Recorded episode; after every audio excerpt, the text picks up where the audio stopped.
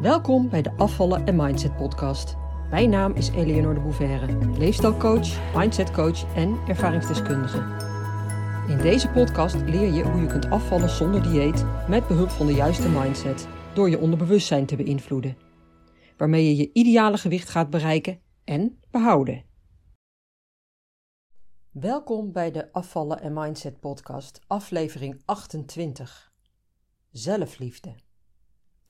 Ja, let's talk about love. En dan vooral zelfliefde. Een onderwerp dat me na aan het hart ligt, omdat ik het op dat vlak vaak mis zie gaan. En ik zal je dadelijk duidelijk maken wat ik hier precies mee bedoel. Wat ik zie bij mijn klanten, sorry. En waar jij mogelijk ook lering uit kan trekken. Het thema zelfliefde speelt ook een grote rol bij mensen die best graag aan zichzelf willen werken, maar het toch niet doen.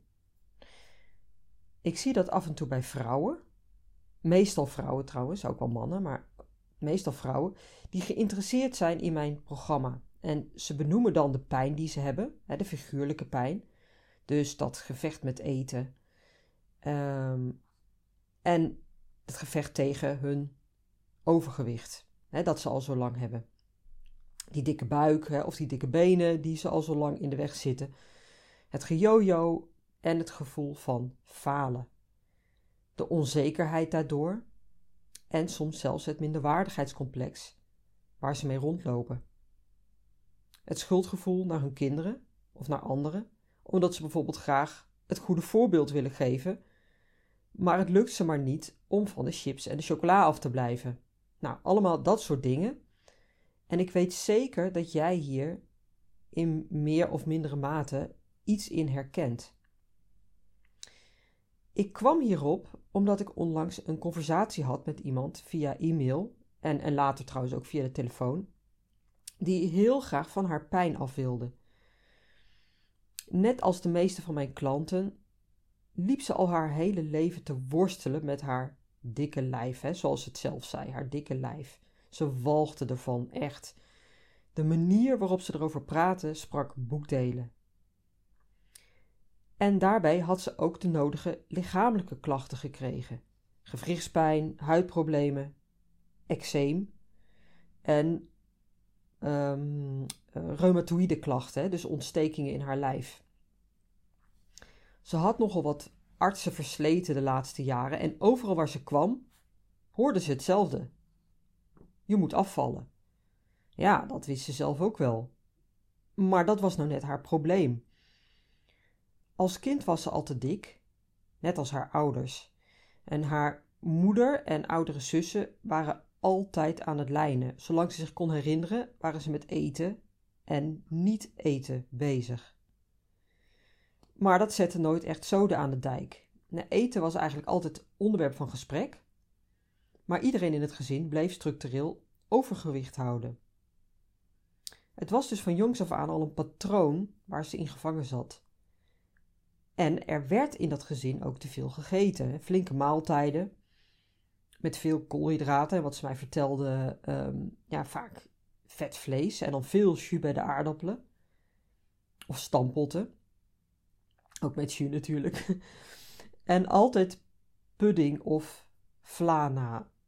En dan vaak ook nog eens een keer met extra saus erover. Hè? Dus van die zoete, uh, suikerrijke aardbeien saus of zo. Of slagroom.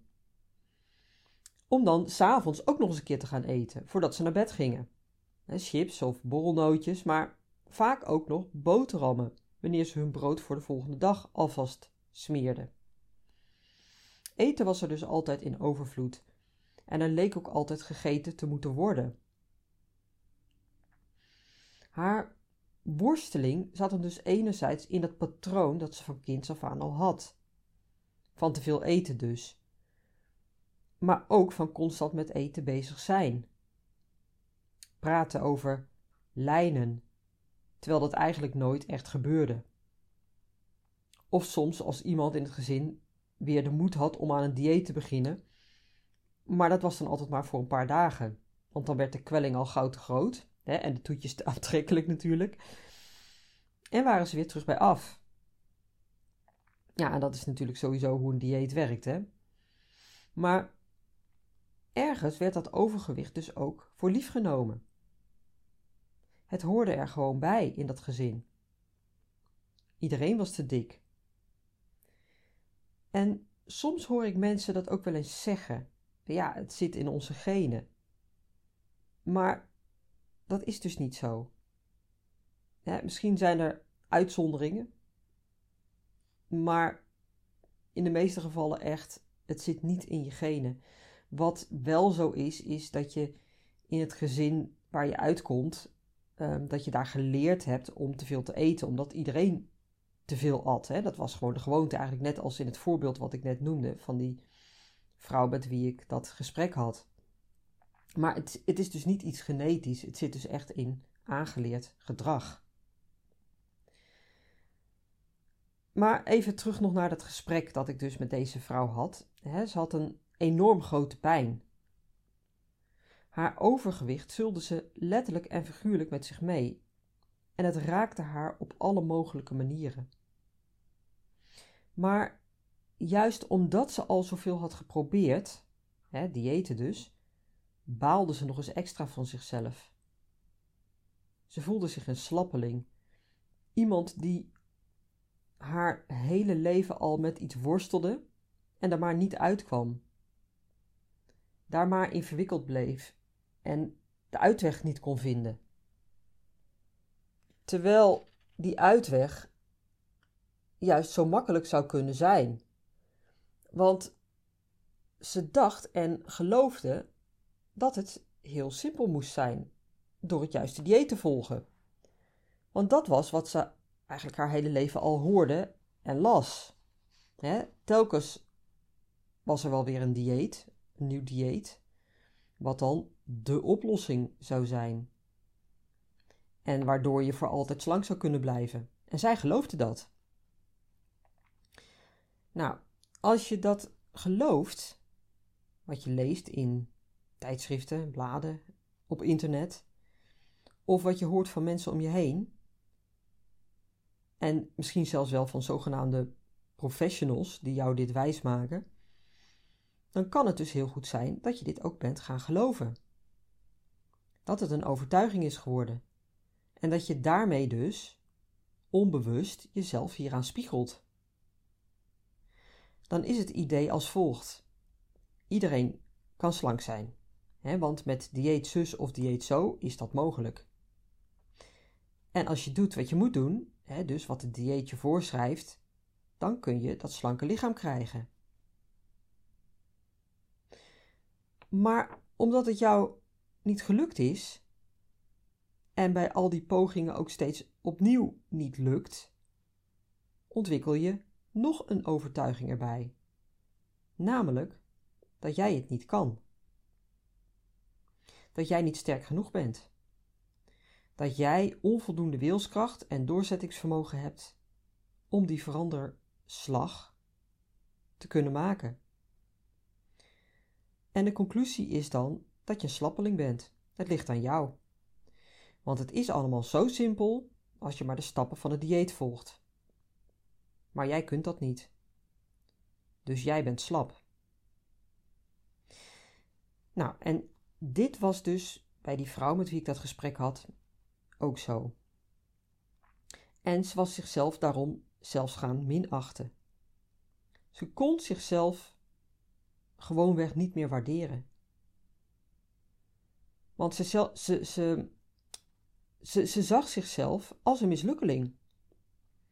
Dus haar zelfliefde stond letterlijk op een heel laag pitje.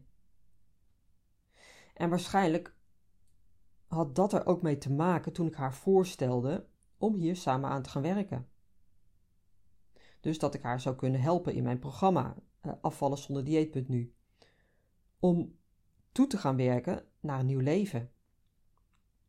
Een leven zonder die strijd met eten, maar met een totaal andere relatie met eten. Een fijne relatie. Zonder dat voortdurende gedoe. Hè, zonder die voortdurende strijd. Waardoor ze ook zo afvallen. En dan niet voor even, maar voor altijd. Toen ik haar dat voorstelde, bleef het in eerste instantie even stil. En ik voelde weerstand bij haar. Ik merkte dat het een ver van haar bedshow was, iets waar ze eigenlijk niet in geloofde. En ik zal niet precies herhalen wat ze zei, dat weet ik trouwens ook niet meer. Maar het kwam erop neer dat ze het niet aandurfde, omdat ze al zoveel geprobeerd had. Begrijpelijk natuurlijk, hè, want vanuit haar overtuiging dat ze een slappeling en een mislukkeling was, zou het überhaupt al niet kunnen slagen. Want ze geloofde simpelweg niet in zichzelf. Toen ik haar vroeg of ze het waard was om dit te krijgen, werd ze verdrietig, want daar bleek dus een ding te zitten. Ze was het simpelweg niet waard, vond ze. Ze kon zichzelf niet waarderen, eigenlijk op geen enkel vlak. En ze kon ook niet echt van zichzelf houden. De liefde voor zichzelf kon er pas zijn als ze dat slanke lijf had. Dus als er al sprake zou zijn van zelfliefde, dan was dat voorwaardelijke liefde. Pas als ze discipline had en slank kon zijn, dan pas had ze, ja, dan pas had ze eigenlijk bestaansrecht. Maar nu niet. Ze moest dat eerst bewijzen. Maar dat aangaan, dat durfde ze dus ook niet. Uit angst om weer te falen. En zo zat ze dus gevangen in een vicieuze cirkel. On top of that, daarbovenop gaf ze als argument, als reden waarom ze niet in mijn programma wilde stappen, dat ze dat niet kon vanwege de kosten. En ik wist en voelde dat dat niet de werkelijke reden was. Want die had ze immers vlak daarvoor al genoemd. Ze durfde het niet aan vanuit dat lage zelfbeeld dat ze had en uit angst om weer te falen. De kosten waren eigenlijk een oppervlakkig excuus om het niet aan te hoeven gaan. En dit hoor ik natuurlijk vaker, hè? En ik heb daar ook absoluut geen oordeel over. Ik kan in niemands portemonnee kijken. En als je echt ergens geen geld voor hebt, dan is dat natuurlijk zo. Maar tegelijkertijd zie ik dat dit vaak een excuus is. Net als bij deze vrouw. Of als excuus wordt gebruikt. Want het is natuurlijk een legitiem argument om niet aan jezelf te hoeven werken. Om het echte werk niet te hoeven doen. Want dat is eng. Je moet dan uit je comfortzone. En dat wil je niet. Je blijft liever veilig waar je bent. En dus is het heel fijn om geld als excuus te kunnen noemen. Terwijl ik weet, als je iets echt, echt heel graag wilt, dan is er altijd een weg. Altijd. En dit is waarom ik dit ook als voorbeeld noem. Hier is ook zelfliefde mee gemoeid. Of eigenlijk misschien wel een gebrek aan zelfliefde. Want iemand van wie je houdt, daar heb je alles voor over. Daar wil je het aller, allerbeste voor. En ik heb zelf onlangs een traject gekocht uh, voor een van mijn dochters, omdat ze lichamelijke problemen had en ze daar echt van af moest komen om goed te kunnen functioneren. Ze sport graag en best veel. Ze werkt daarnaast, uh, zit in 6 VWO, de eindexamenklas dus. Best pittig allemaal. En die lichamelijke klachten, die nekten haar gewoon. Nou, en ik heb haar in een traject laten stappen, omdat ik uiteraard het allerbeste voor haar wil. Een traject dat behoorlijk prijzig was, bijna het dubbele zelfs van wat mijn eigen programma kost. Ook al is dat iets heel anders trouwens hoor, maar dat terzijde. Maar wat haar nu wel enorm helpt. En trouwens, ik krijg daar niks van vergoed. maar dat is vaak zo met dingen die werken. Dat is nou eenmaal hoe ons zorgsysteem in Nederland in elkaar zit. En mijn dochter is pas een paar weken bezig, maar ze heeft er nu al zoveel baat bij. Dus ik ben zo blij dat ik dat voor haar gedaan heb. Want ja, het kost geld. Maar wat kost het je, of ja, mijn dochter dan in dit geval, hè, als zij niet in dat traject gestapt zou zijn? Veel pijn, veel klachten, hè, moeten verzuimen voor school. En schaamte, dat speelde trouwens ook een rol. Nou, voor een kind van 17 is dat echt niet fijn. Die wil en moet gewoon leven en haar ding kunnen doen. Maar dat geldt natuurlijk niet alleen voor een meisje van 17. Dat geldt ook voor mezelf. En voor jou en voor iedereen. En als ik het geld niet had gehad om dat traject te kopen, dan had ik het geleend. Want ik laat mijn kinderen niet onnodig lijden. En mijzelf ook niet. En dat is liefde. Of zelfliefde, hè, als het mezelf betrof. En uitstellen zou dus ook absoluut geen optie zijn, want elke dag is er één. Elke dag in dat lijden blijven hangen is uiteindelijk een dag minder kunnen genieten. Minder jezelf kunnen zijn, die persoon die je werkelijk bent. Dus waarom wachten, waarom uitstellen? En het doet me vaak echt pijn als ik mensen die keuze zie maken. En begrijp me goed, hè? Niet omdat ze dan niet in mijn programma stappen. Het gaat niet om mijzelf. Maar wat ik bedoel is, ja, heel simpel gezegd, die ander heeft een pijn. En ik zie die ander lijden. En ik heb de oplossing. Maar die ander kiest er dan even goed voor om met die pijn door te leven. Ja, en dat vind ik dan dus pijnlijk. Ja, echt heel pijnlijk. Ook bij mijn klanten, dus mensen die al in mijn traject zitten, zie ik dat zelfliefde vaak een issue is. Bijna altijd eigenlijk wel, en uiteraard bij de een meer dan bij de ander. En realiseer je ook dat, zeker als je een vrouw bent, dat dit bijna een generiek thema is. En wat ik daarmee bedoel, wij vrouwen hebben geleerd, van generatie op generatie, om er voor anderen te zijn. Om voor anderen te zorgen om onszelf op de laatste plaats te zetten. En zeker niet om op de voorgrond te staan. Ik hoor vrouwen zichzelf wel eens egoïstisch noemen. Als ze iets helemaal voor zichzelf doen, hè, of als ze voor zichzelf kiezen. Daar zit dus een oordeel op. En dat is vaak niet eens zozeer hun eigen oordeel, van oorsprong dan. Het is een maatschappelijk oordeel, wat een soort collectieve overtuiging is geworden.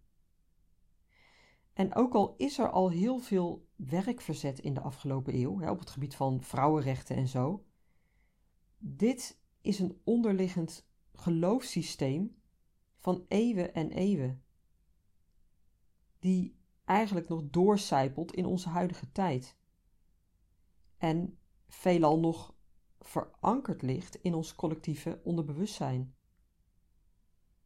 ook al, en, en zelfs, al kunnen we het met onze ratio heel goed tegengaan. In mijn programma besteed ik meestal ook de nodige aandacht aan zelfliefde. Want je hebt die onvoorwaardelijke liefde voor jezelf nodig. Om dat slanke lijf te krijgen. Simpelweg omdat je jezelf anders blijft saboteren. Als je niet van jezelf kunt houden en jezelf blijft veroordelen, bekritiseren en jezelf ja, naar beneden blijft halen, bewust of onbewust, dan werk je jezelf tegen in het doel dat je wilt bereiken. Nou, als je een dieet gaat volgen, dan hoef je daar helemaal geen aandacht aan te besteden.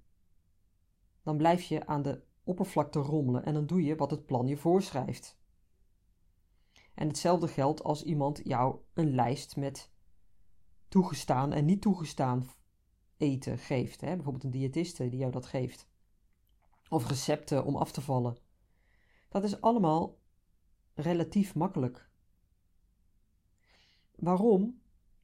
omdat je daarmee alleen op het gebied van voeding je probleem aanpakt. Maar wat er allemaal onder ligt, dat hoef je daarmee niet aan te pakken. Dus zelfs al lijkt het moeilijk en denk je dat het een flinke kluif is en dat je, hè, als je maar doet wat er staat, hè, dat resultaat wel gaat bereiken. Het is wishful thinking. Je houdt jezelf een worst voor. En eigenlijk weet je dat ook wel. Want als je eerlijk bent naar jezelf, echt eerlijk, dan weet je heel goed dat er meer voor nodig is. Dat heb je immers al vaker ervaren, hè? dat je met een dieet of een voedingsplan niet het onderliggende probleem verhelpt. En dat zijn dan die mechanismes die je hebt ontwikkeld. De koppelingen die je gedurende je leven hebt aangemaakt hè, tussen emoties en eten. Hè, die patronen. Die doorbreek je niet op wilskracht, dus met behulp van een dieet. Dat kan helemaal niet. Er is zelfliefde voor nodig om die patronen en die mechanismes en die onderliggende overtuigingen aan te pakken. Maar hoe, oh hoe, bereik je nou die zelfliefde, die onvoorwaardelijke zelfliefde? Hoe kun je nou zoveel van jezelf houden, of in ieder geval genoeg van jezelf houden, om ook echt voor jezelf te gaan staan en voor jezelf te gaan zorgen? En met zorgen bedoel ik dan die stappen te zetten die nodig zijn, in plaats van jezelf voor de gek te blijven houden en jezelf te blijven saboteren. Door het uit de weg te gaan, door weer een dieetje te gaan volgen, whatever. Er is geen simpel stappenplan, geen quick fix voor het bereiken van zelfliefde. Dat je even snel volgt en hoppa, je hebt genoeg zelfliefde. Voor de meeste mensen is dat tenminste niet zo, want in principe is dat er namelijk wel. Ja, en dat is misschien een beetje verwarrend wat ik nu zeg, van het is er niet en het is er wel. Maar laat ik het zo zeggen. In theorie kan dat wel. dus in theorie uh, is er wel een eenvoudig stappenplan. kan het wel simpel zijn. Maar de meeste mensen zitten zo vol met ballast dat ze daar niet volledig voor openstaan. Want het oplossen van een probleem hoeft helemaal niet moeilijk, ingewikkeld en zwaar te zijn. En hoeft ook helemaal geen jaren te duren. Alleen, wat het dus is, dat zijn we met z'n allen wel gaan geloven. We geloven dat een probleem oplossen veel tijd kost. Maar stel je nou eens voor dat dat niet zo was. En misschien is dat moeilijk voor te stellen, maar, maar toch. En trouwens, um, Tony Robbins die schrijft dit ook in een van zijn boeken. Misschien wel in meer boeken, maar ik weet in ieder geval in een van zijn boeken. Die beschrijft dat ook heel mooi. Hoe we met z'n allen het paradigma aanhouden dat veranderen moeilijk is. Dus dat je problemen diepgaand moet doorgronden alvorens je bij een oplossing kunt komen. Maar juist omdat we dat zijn gaan geloven, is dat ook onze realiteit. En dat is dus ook zo met zelfliefde, of het verkrijgen van zelfliefde. Is dat moeilijk? Nee, in principe dus niet. Alleen geloven we dat vaak wel. Juist omdat we zo vastzitten in bepaalde denkpatronen en overtuigingen. En we daardoor, daardoor ook zien dat het allemaal moeilijk en ingewikkeld is. ja, door oude overtuigingen los te laten en om te buigen, kun je meer zelfliefde krijgen. Dus de liefde en het respect, de waardering voor jou, voor jezelf, vergroten. En daar help ik je mee in mijn programma. En daar kun je in principe ook zelf al aan werken. dat kan bijvoorbeeld met meditatie. Maar ook door lief te zijn voor jezelf. Zelfs als je dat nog helemaal niet voelt. Zelfs als je nog vol met oordelen over jezelf zit en negatieve gevoelens. Zelfs als je vindt dat je het helemaal niet waard bent, juist dan eigenlijk. door, door, daar, door daar dwars tegenin te gaan en voor jezelf te gaan zorgen. Lief te zijn voor jezelf. Alsof het is voor iemand van wie je ontzettend veel houdt. je partner misschien, of je kind, of je vader, je moeder, een goede vriendin. Maar nu ben jij het zelf. Die zelfliefde vergroot je niet alleen door anders over jezelf te leren denken en voelen, maar ook door anders te gaan doen. En daar kun je dus al mee beginnen. En je zult merken dat als je dat gaat doen, dat het gevoel vaak vanzelf meekomt, omdat je daarmee al iets ombuigt.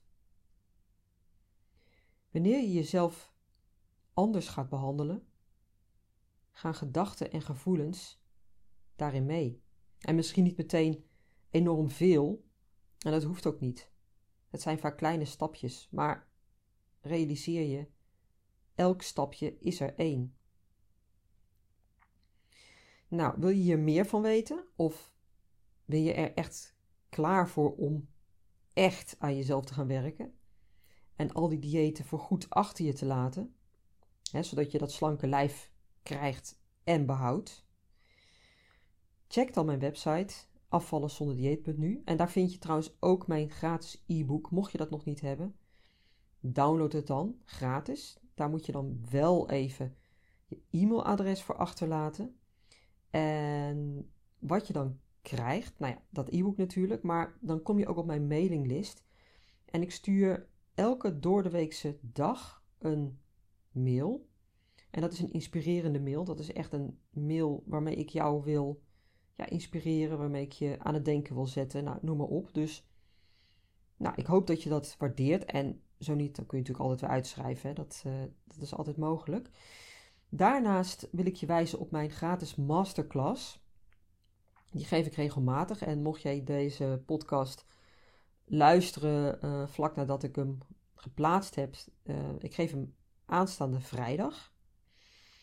Um, nou, even goed, mocht je vragen hebben, even goed, je kunt me altijd mailen of contact opnemen via het contactformulier op mijn website afvallenzonderdieet.nu.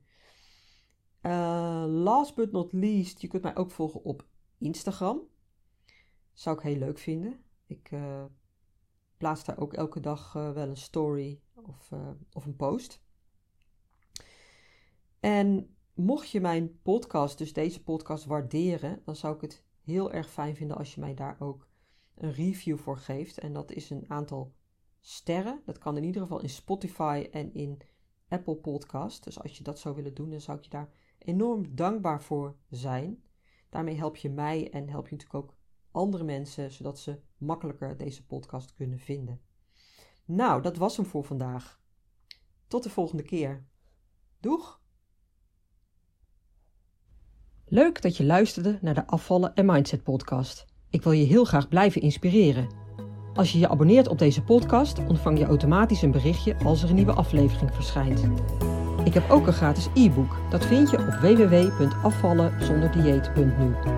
Daar vind je trouwens ook mijn inspirerende blogs, die je automatisch in je mailbox kunt ontvangen.